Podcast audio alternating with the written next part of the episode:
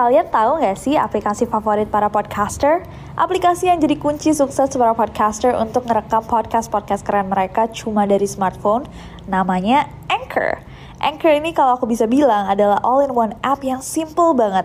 Gak heran kalau para podcaster bilang bahwa aplikasi inilah kunci kesuksesan dari podcast-podcast mereka. Di Anchor, kalian gak cuma ngerekam suara, tapi juga bisa ngedit. Mulai dari rekaman, isi lagu, efek, dan lain-lain. Yang paling aku suka adalah karena Anchor ini super fungsional. Aku bisa langsung upload podcast aku ke Spotify atau platform lain langsung dari Anchor. Kalian bisa download Anchor di smartphone kalian langsung dari App Store, Play Store, atau dari web mereka www.anchor.fm. Trust me, Anchor is your best friend to create stunning podcasts. And you know what? It's totally free. Hey guys, it's Nessie. Nero.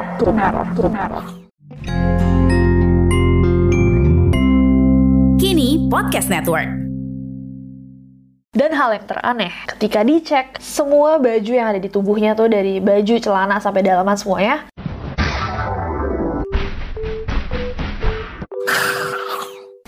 it's Nessie and welcome back to Neror. Hari ini buat Neror kita punya kasus yang sangat sangat sangat sangat sangat sangat sangat menarik. Baik dari kalian yang request untuk tahu cerita fullnya kasus The Tamam Shud yang sempat kita bahas. So that's what we're doing today. Itu yang kita akan bahas hari ini. Suatu hari mayat dari seorang pria yang tidak dikenal ditemukan tergeletak di pantai Somerton di Adelaide, Australia. Kasus penemuan mayat ini dikenal juga sebagai The Tamam Shud Case atau misteri lelaki Somerton. Sudah 70 tahun kasus ini masih tidak terpecahkan dan masih bikin banyak orang bertanya-tanya. Banyak banget kejanggalan dari kasusnya. Salah satunya adalah ditemukan kertas di kantong rahasia yang ada di celana lelaki ini. Di dalam kantong rahasia tersebut ditemukan kertas bertuliskan Tamam Shud yang berartikan the end, berakhir, selesai. Dan beberapa hal lainnya yang membuat para koroner menyimpulkan bahwa kematian lelaki ini tidak natural. So hari ini kita akan bedah bersama-sama kasus creepy Mystery of the Somerton Man. So with that any further ado, stop senyum-senyum, cause shit's about to go.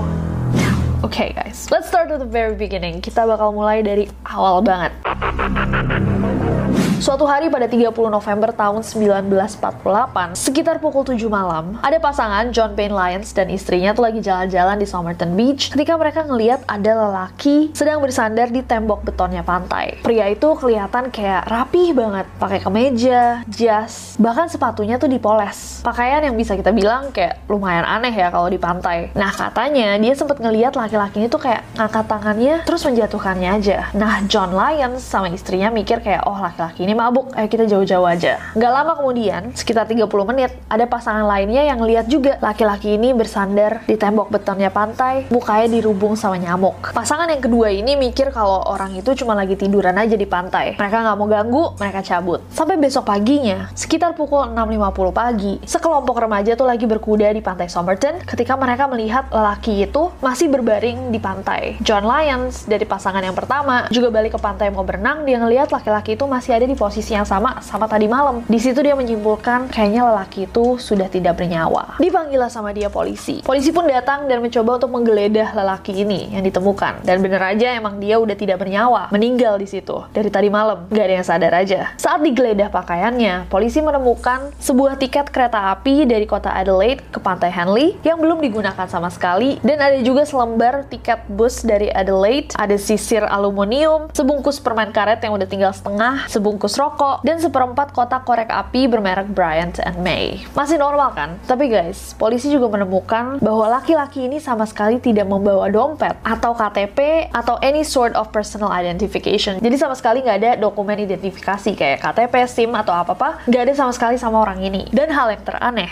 ketika dicek, semua baju yang ada di tubuhnya tuh dari baju, celana, sampai dalaman semuanya, mereknya dihapus, dihilangin, jadi nggak ada yang tahu baju-bajunya dia tuh dari mana, atau nggak bisa di trace gitu. Laki-laki ini belanja di mana. Nah, selain dari hal-hal aneh yang ada di kantongnya dan di bajunya, yang lebih aneh lagi, ketika dia diotopsi, ternyata semua sidik jarinya tuh tidak teridentifikasi di database mana pun. It's as though he never existed. Seakan laki-laki ini tuh nggak pernah ada. Saat diotopsi, di tubuhnya juga tidak ditemukan bekas luka atau trauma apa pun, dan para coroner berpikiran bahwa kemungkinan besar dia meninggal karena keracunan atau gagal jantung. Namun sekali lagi dari otopsi tidak ditemukan sama sekali adanya jejak racun. Hal yang ditemukan adalah dia sebelum meninggal itu terakhir makan pastry. Jadi ada di perutnya dia pastry. Selain itu sama sekali nggak ada clue gimana orang ini bisa meninggal di pantai Somerton itu. Disebarlah sama polisi fotonya dia ke sekeliling kota pakai pamflet di TV pun dia sering banget muncul ditanyakan apakah ada yang mengenal orang ini dan nggak satu pun orang bilang bahwa mereka mengenalnya atau datang ke polisi untuk mengklaim dia bilang bahwa dia adalah keluarganya atau kerabatnya nggak ada sama sekali aneh. Tentu. Dua bulan kemudian pada 14 Januari tahun 1949 petugas stasiun kereta api Adelaide itu menemukan sebuah koper coklat misterius yang sekali lagi labelnya semua udah dihilangkan. Dan koper ini diketahui udah tersimpan di locker roomnya stasiun Adelaide sejak 30 November tahun 1948 pukul 11 pagi yang berarti 8 jam sebelum orang pertama melihat Somerton Man terbaring di pantai. Ada barang-barang ini di dalamnya dan yes, semua label dari barang-barang ini tuh sudah dihilangkan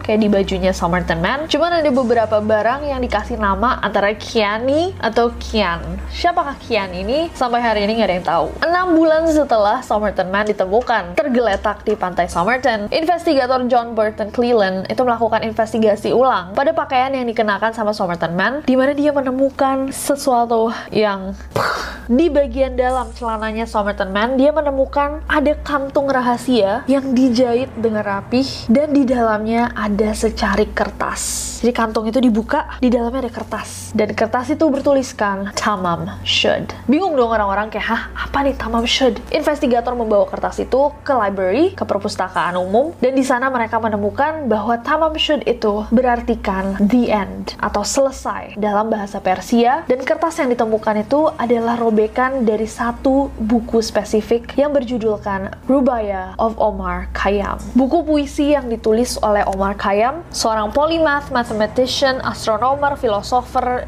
dan penyair asal Persia di tahun 1048. Setelah itu polisi mencoba untuk mencari di mana keberadaan buku yang disobek itu. Gak ada kabar sampai dua bulan kemudian. Jadi 8 bulan setelah Somerton Man ditemukan. Pada 23 Juli muncul seorang laki-laki datang ke kantor polisi bawa buku. Dia bilang, ini buku saya temukan di jok belakang mobil saya yang waktu itu saya parkir di dekatnya Somerton Beach 1-2 minggu sebelum mayatnya Somerton Man ditemukan. Nah pas buku itu dicek, dilihat belakangnya, bener. Robekan kertasnya tuh pas sama robekan yang ada di buku itu. Tapi yang masih aneh, ketika buku Rubaya itu dibawa ke berbagai penerbit di Australia, nggak ada satu penerbit pun bilang bahwa, oh ini kami yang menerbitkan. Karena di buku itu kan kalau misalkan kalian beli buku tuh ada nama penerbitnya kan. Punyanya Somerton Man ini yang dirobek itu sama sekali nggak ada nama penerbitnya. Entah siapa yang nerbitin, apa dia nerbitin sendiri, apa dia fotokopi sendiri gitu. Yang jelas nggak ada nama penerbitnya. Karena asal muasal penerbitnya nggak ditemukan,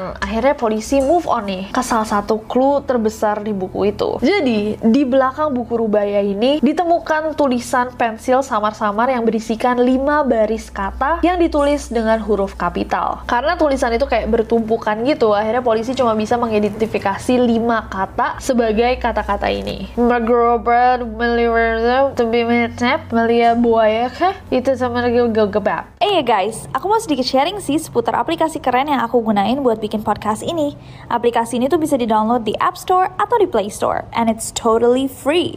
Gak cuma buat ngerekam aja, Anchor juga bisa buat ngedit langsung rekaman kalian. Kita bisa langsung nambahin back sound, effects, tambah lagu, bahkan Anchor juga bisa mendistribusikan podcast kita ke berbagai platform lainnya. Kayak aku nih, biasanya aku langsung upload podcast aku ke Spotify langsung dari Anchor. Jadi di mana pun aku berada, aku bisa buat podcast aku kapan pun dan di mana pun aku mau.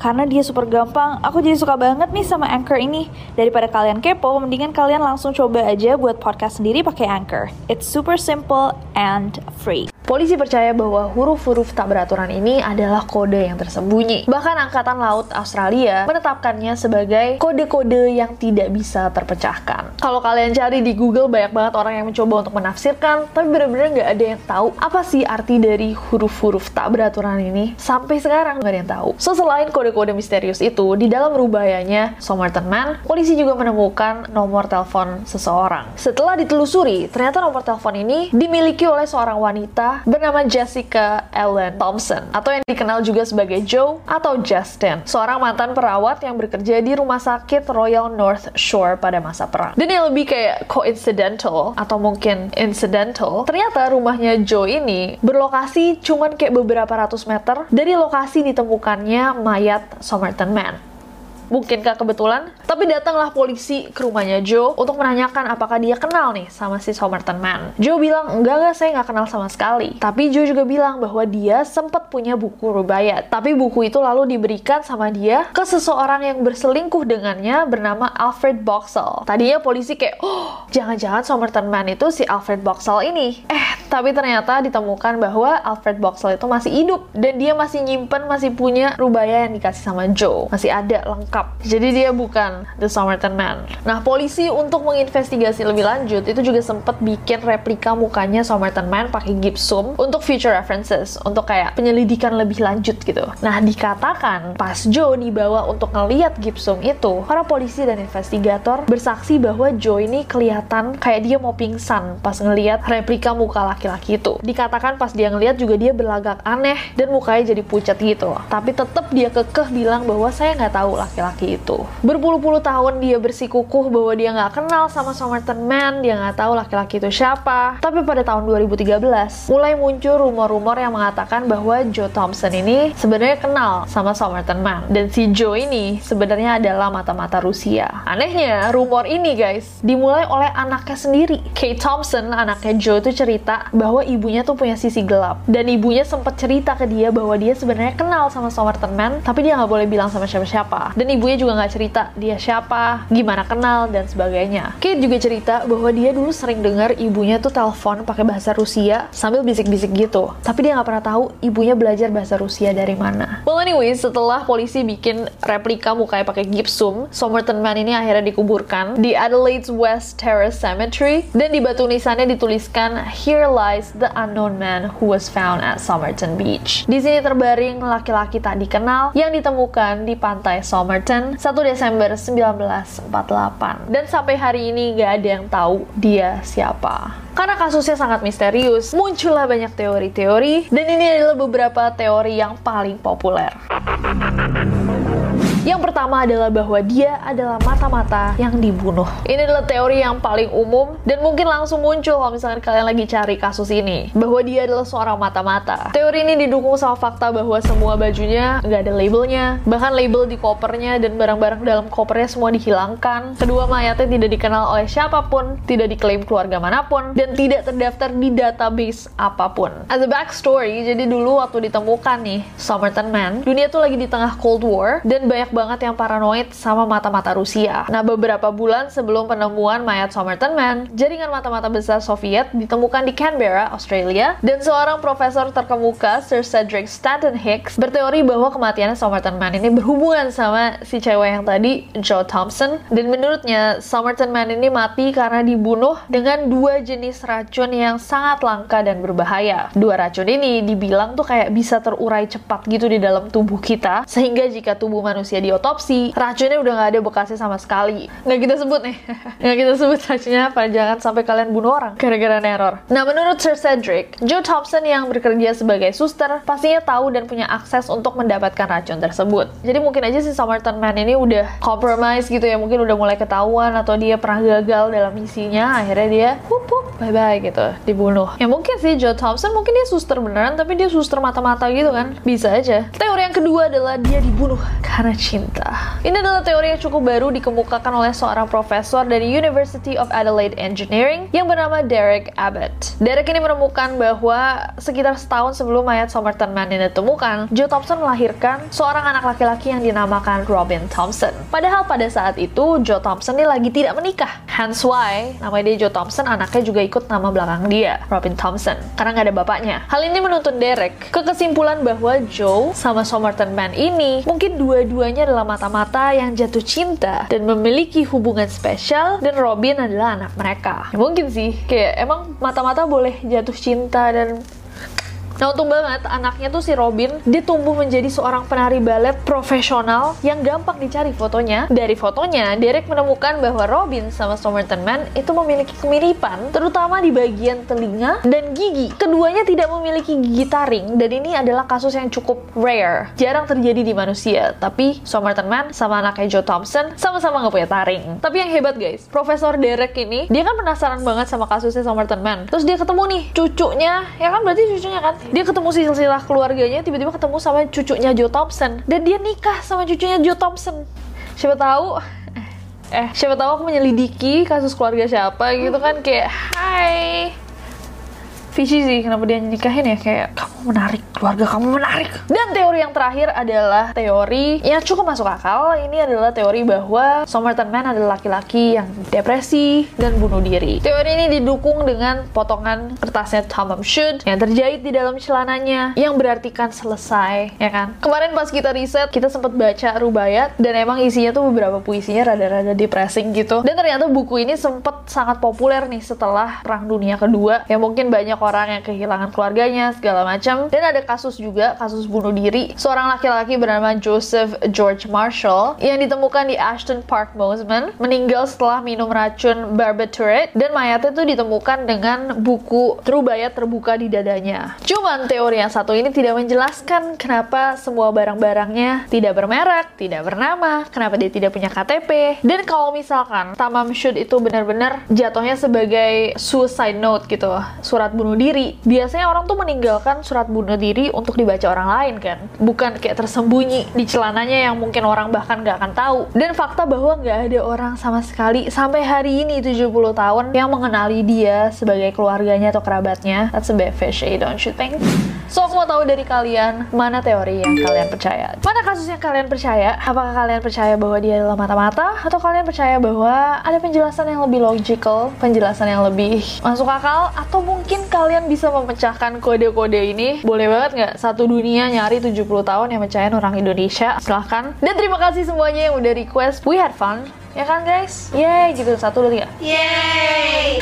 Yeay! You had fun, right?